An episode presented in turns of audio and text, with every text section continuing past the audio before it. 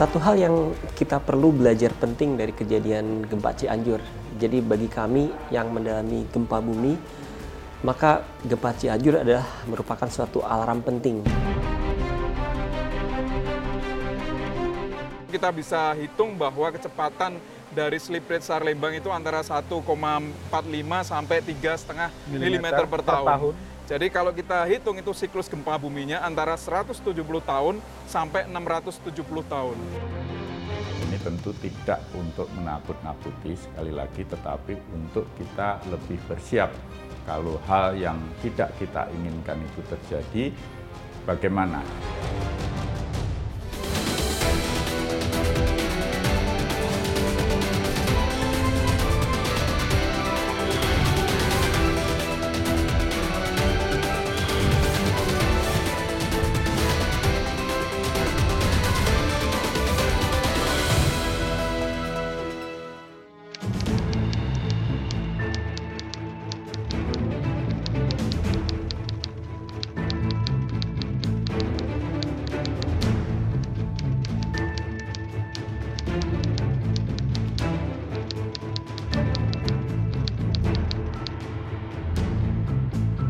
Meski magnitudonya tidak begitu besar, gempa Cianjur menimbulkan kerusakan yang tergolong berat.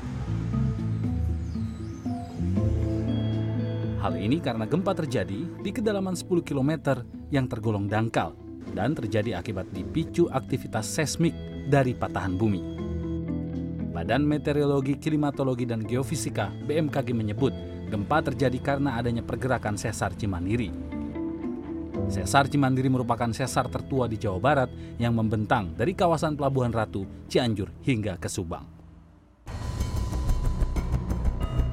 Belakangan ada silang pendapat terkait penyebab gempa di Cianjur. BMKG meralat pernyataan sebelumnya, gempa Cianjur bukan disebabkan pergerakan sesar Cimandiri, melainkan karena ada pergerakan sesar yang baru ditemukan, yaitu Cugenang. Namun menurut para peneliti geologi di Badan Riset dan Inovasi Nasional, hal ini masih perlu ditinjau lebih jauh. Karena secara akademis eh, saya selalu skeptis dengan data yang dihasilkan apa pun dengan tergesa-gesa ya. Jadi kita harus me, apa, meng-cross check dengan data set yang lainnya semuanya. Itu harus kita cek semuanya. Di dalam penelitian kita selalu cross check dengan data set yang lainnya, kemudian kita uh, uh, diskusikan di dalam uh, discussion sessionnya itu. Kemudian kita sintesiskan bagaimana kemungkinan salah benarnya itu errornya berapa besar. Kemudian baru kita konklusikan kita itu pada posisi mana kemenangan kita. Oke, jadi itu Pak Cianjur turut dirasakan warga Jakarta yang berjarak hampir 100 km dari pusat gempa pekerja kantoran yang sedang berada di gedung-gedung tinggi ibu kota berhamburan keluar saat merasakan guncangan.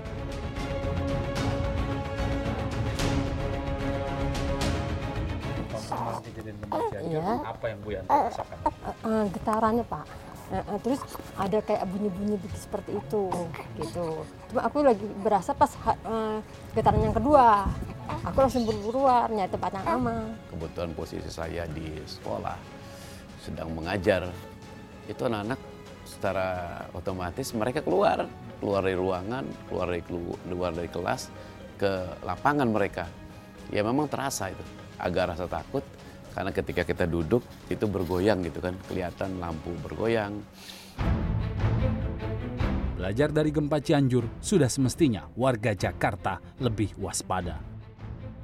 Bencana gempa di Cianjur beberapa waktu lalu menjadi alarm penting bagi masyarakat kota besar seperti Jakarta untuk menyadari potensi bencana di wilayahnya. Ditambah belakangan ada riset yang menyampaikan ada sebuah sesar aktif yang berpotensi menimbulkan gempa di selatan Jakarta yang dinamai sebagai sesar Baribis.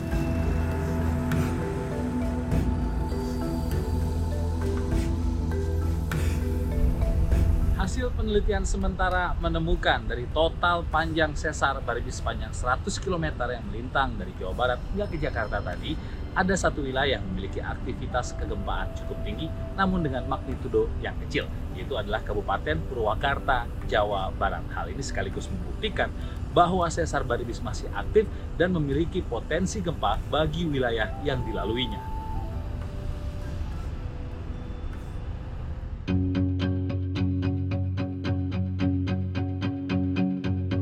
Kami mendapatkan bahwa sesar Baribis bagian timur yang dekat dekat Purwakarta itu lebih aktif dibandingkan bagian barat yang di dekat Jakarta Selatan. Namun ini yang menjadi kewaspadaan kita mestinya ya karena di selatan Jakarta itu berdasarkan data GPS yang sudah dipublish oleh Dr. Indra Gunawan itu daerah kompresi yang tinggi, artinya menyim, sedang menyimpan energi. Sementara hasil pengamatan kami dua tahun, justru daerah yang menyimpan energi tinggi tadi belum ada gempanya. Nah ini tentu tidak untuk menakut-nakuti sekali lagi, tetapi untuk kita lebih bersiap kalau hal yang tidak kita inginkan itu terjadi, bagaimana? Para peneliti sejauh ini memetakan sesar baribis melintasi kawasan Subang, Purwakarta, Karawang, Bekasi, hingga sebagian Jakarta. Beberapa wilayah di Jawa Barat tercatat pernah mengalami gempa akibat pergerakan sesar ini.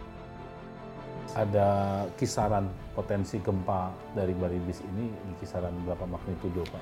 Jadi penelitian ini belum konklusif yang mantap Mas. Jadi kita masih apa peneliti masih memiliki beberapa hipotesa. Salah satunya itu uh, kita memberikan magnitud mungkin uh, moderat jadi angka enam setengah.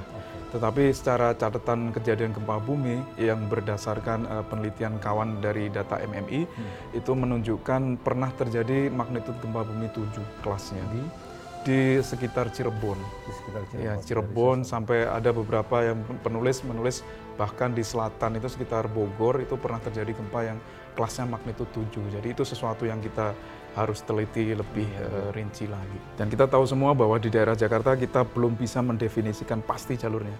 Tapi potensi sejarah gempa sudah jelas ada. Jadi besar goncangan itu menyebar di seluruh wilayah uh, Jakarta dan sekitarnya. Tidak cuma Jakarta, Bogor, Jakarta, Depok, Bekasi, semuanya akan mendapatkan beban goncangan. Jakarta didominasi infrastruktur gedung bertingkat, tetapi yang perlu dikhawatirkan adalah potensi kerusakan di permukiman padat penduduk jika gempa terjadi. Ternyata uh, asumsinya bahwa yang rawan itu justru adalah bangunan yang bukan bangunan bertingkat.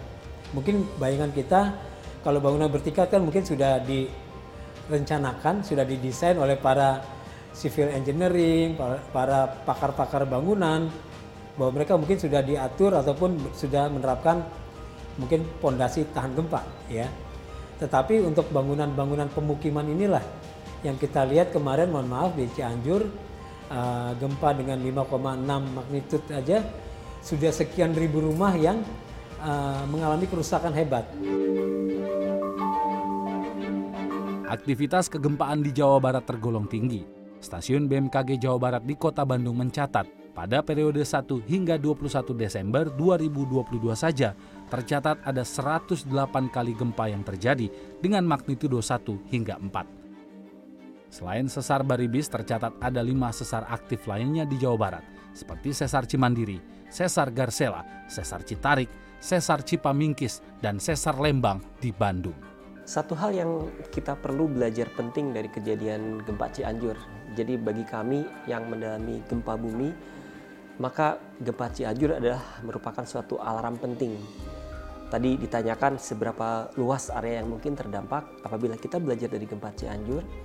Tidak perlu sebuah gempa dengan magnitudo besar, eh, magnitudo besar uh, yang kita duga di atas 6 misalnya untuk sesar Lembang dan di atas 6 juga untuk sesar Baribis Kendeng. Cukup gempa dengan 5,6 dengan kondisi Pulau Jawa yang sangat padat penduduk itu bisa berdampak sangat serius.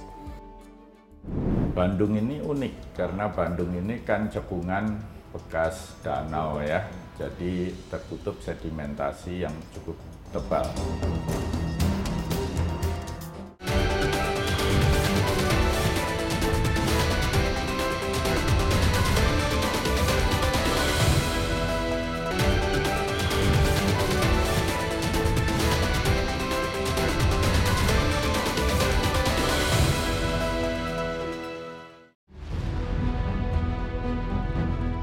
Jauh dari pusat kota Bandung, tersimpan energi yang diprediksi menimbulkan potensi bencana gempa bumi di wilayah Bandung Raya.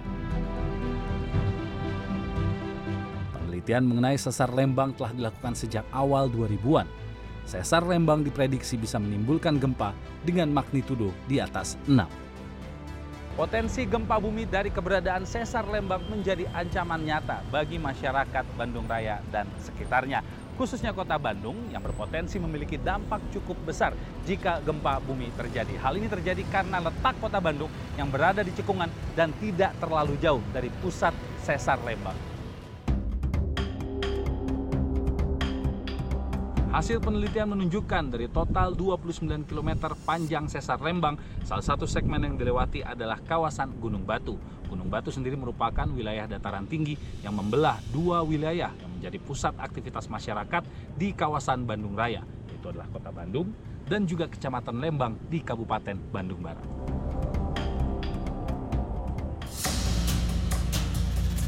Posisi sesar Lembang sendiri membentang tepat di utara kota Bandung yang merupakan dataran tinggi. Mulai dari wilayah Padalarang hingga 29 km ke arah timur di Kecamatan Lembang. Dalam 11 tahun terakhir, Sesar Lembang tercatat pernah mengeluarkan energi gempa dengan magnitudo 3,3, membuat 384 bangunan di sekitar Lembang rusak. Keberadaan Sesar Lembang perlu diwaspadai di wilayah Bandung Raya yang memiliki dataran tanah aluvial atau tanah yang lunak. Ini unik karena Bandung ini kan cekungan bekas danau ya, jadi tertutup sedimentasi yang cukup tebal. Meskipun tempatnya agak jauh dari Lembang, bisa juga kalau energinya cukup besar, yang jauh dari Lembang ini mengalami amplifikasi atau efek trampolin, mengalami apa guncangan yang lebih besar daripada yang di dekat pusatnya itu. Publikasi mengenai keberadaan sesar Lembang sedikit banyak sudah diketahui warga. Kebetulan rumah tinggal di daerah Parompong ya, itu yang dilewatin sama sesar Lembang ya, yang jadi isu pada saat ini. Tahu potensi gempanya ya Bu ya berarti ya? Sudah lumayan tahu, agak cukup worth ya.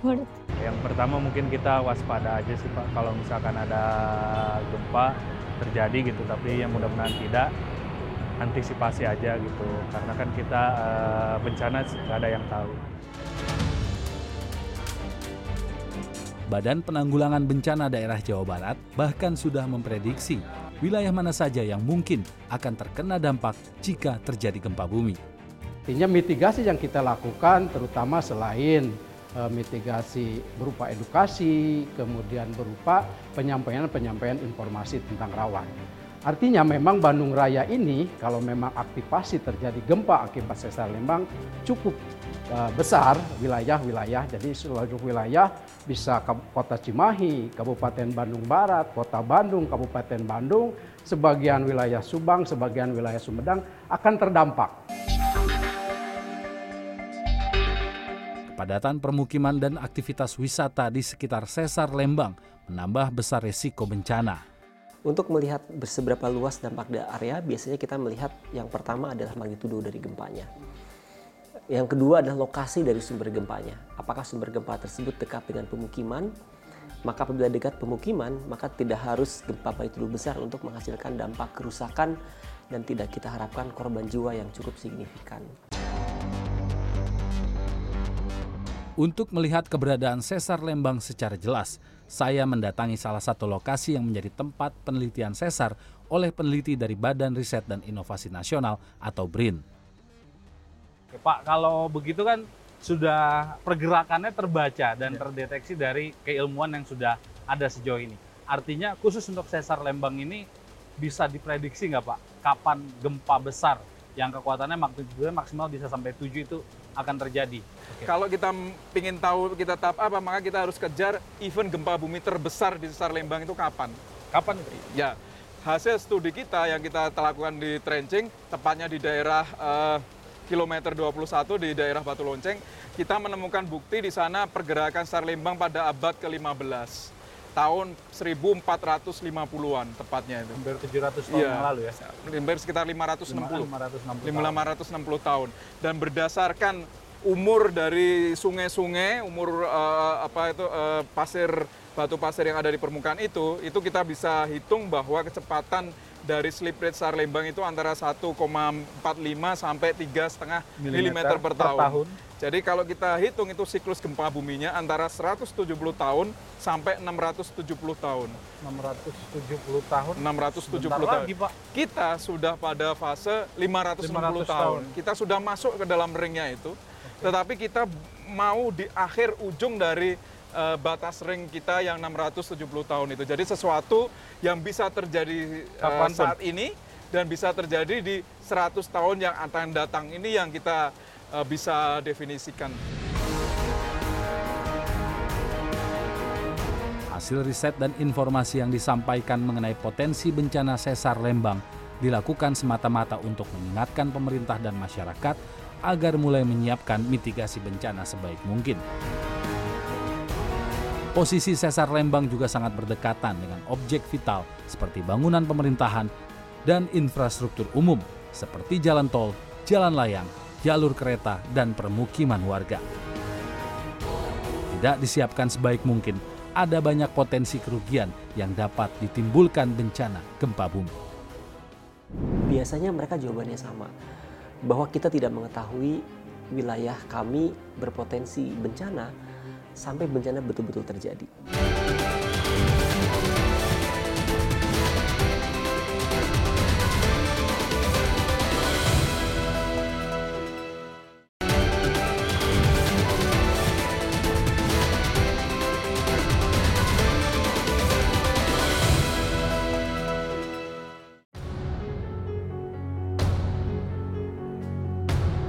Gempa bumi merupakan sebuah siklus alamiah yang pasti terjadi alam telah memiliki mekanisme yang bekerja sejak lama, bahkan sebelum manusia hidup di bumi.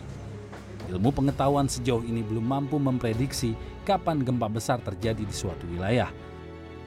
Oleh karena itu, membangun kesadaran masyarakat mengenai mitigasi bencana menjadi penting.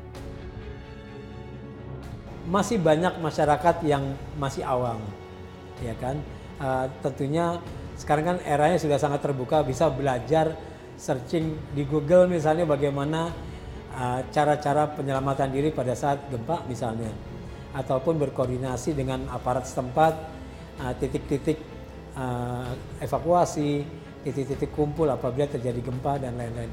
Jadi uh, pemahaman itu harus dibangun selain dari kami justru dari masyarakatnya sendiri. Setiap keluarga harus belajar setiap keluarga harus memahami potensi-potensi uh, kebencanaan ini sebenarnya pekerjaan ini harus diulang-ulang juga. Karena masalahnya kita lupa. Taruhlah kejadian seperti di Cianjur. Mungkin orang lima tahun ke depan masih ingat akan ada kejadian epicentrumnya di situ. Akan tetapi kalau kita tidak ulang-ulang dengan sosialisasi, edukasi, dan respon sebenarnya untuk wilayah Bandung Raya ini cukup bagus. Tinggal sekarang memang aktivasi-aktivasi daripada uh, mitigasi yang seperti beberapa uh, waktu lalu kita melihat memang rambu-rambu sudah mulai hilang. Arah-arah larangan sudah mulai hilang.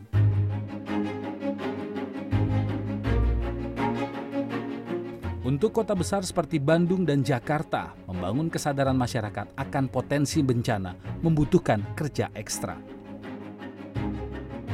Pada saat kita bertanya pada masyarakat, biasanya mereka jawabannya sama bahwa kita tidak mengetahui wilayah kami berpotensi bencana sampai bencana betul-betul terjadi.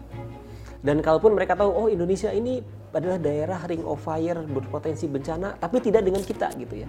Itu urusan orang lain gitu ya, bukan urusannya kita. Sampai kemudian bencana betul-betul terjadi ke tempat mereka. Pemahaman mengenai zonasi wilayah pusat bencana juga perlu dipublikasikan oleh pemerintah setempat. Masyarakat perlu mengetahui wilayah mana saja yang tidak boleh dihuni. Jadi secara prinsip di jalur itu, di jalur itu ketika dia terjadi gempa maka yang bergerak itu adalah di jalur itu juga. Dia akan berulang di bidang itu juga karena itu adalah bidang lemah. Jadi dia akan bergerak, bergerak, bergerak kembali. Yang apa yang terjadi di permukaan itu adalah seluruh bangunan apa pun dia akan robek karena dia memiliki arah gerak yang berbeda sehingga dia akan hancur. Jadi seluruh jalur ini tidak boleh dibangun bangunan yang permanen yang beresiko tinggi. Rumah sakit, tempat tinggal, sekolah itu jelas nggak boleh. Tetapi dia batasannya kalau menurut aturan dari Amerika dan New Zealand dan Jepang juga mengadopsi juga itu kurang lebih sekitar 12,5 sampai 15 meter satu sisi. Jadi total itu adalah 30 meter. Jadi dari jalur ini 15 meter ke kanan, 15 meter ke arah kiri itu yang tidak boleh sama sekali dibangun. Bukan soal salah benar, tetapi masih perlu terus ditingkatkan usaha mitigasi atau mengurangi risiko bencana akibat gempa ini. Saya pikir langkah-langkahnya memang harus sangat holistik.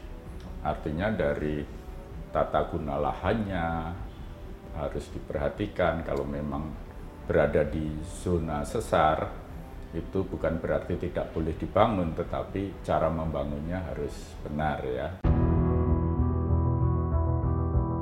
Salah satu komponen keselamatan penting saat terjadi gempa adalah terhindar dari reruntuhan bangunan. Pada prinsipnya, bukan gempa yang bisa membunuh. Korban meninggal kebanyakan ditemukan di bawah reruntuhan bangunan yang tidak mampu menahan goncangan. Untuk itu, memperhatikan struktur bangunan, khususnya rumah tinggal, agar tahan guncangan menjadi pengetahuan penting bagi masyarakat. Pak James, kalau bicara struktur bangunan yang tahan gempa, hmm. sebenarnya syaratnya itu ada apa aja sih Pak? Banyak nggak sih sebenarnya? Pertama mengenai beton. Hmm. Beton ini diupayakan harus sesuai dengan mutu dan standarnya. Hmm. Jadi kadang-kadang dalam mengaduk beton itu sebenarnya ada ada standarnya Pak. Hmm.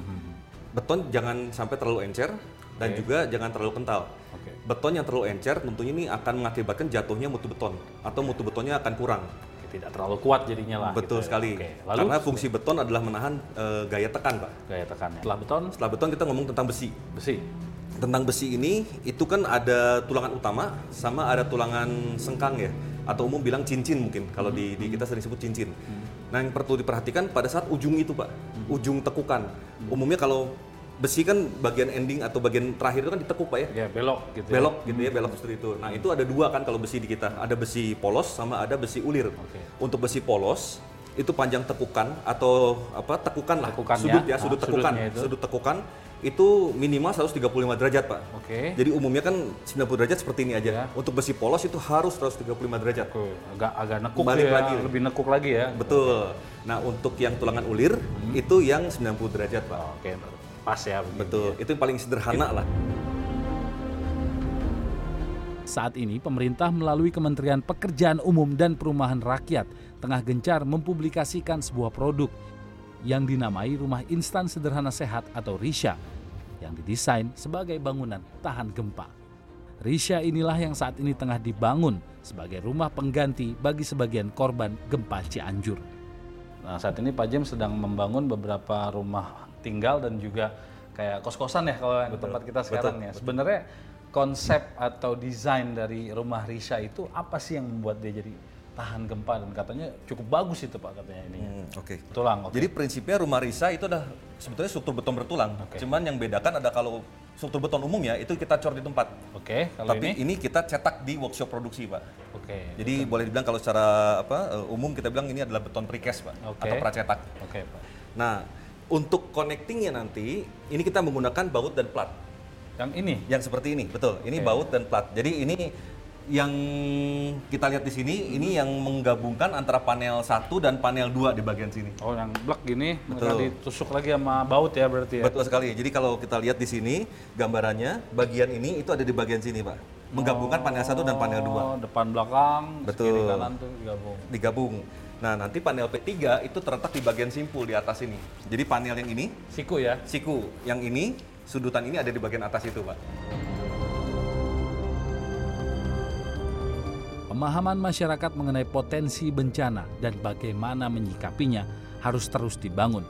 Begitu pula dengan pentingnya membuat bangunan tahan gempa bagi warga yang tinggal di daerah dengan potensi gempa tinggi.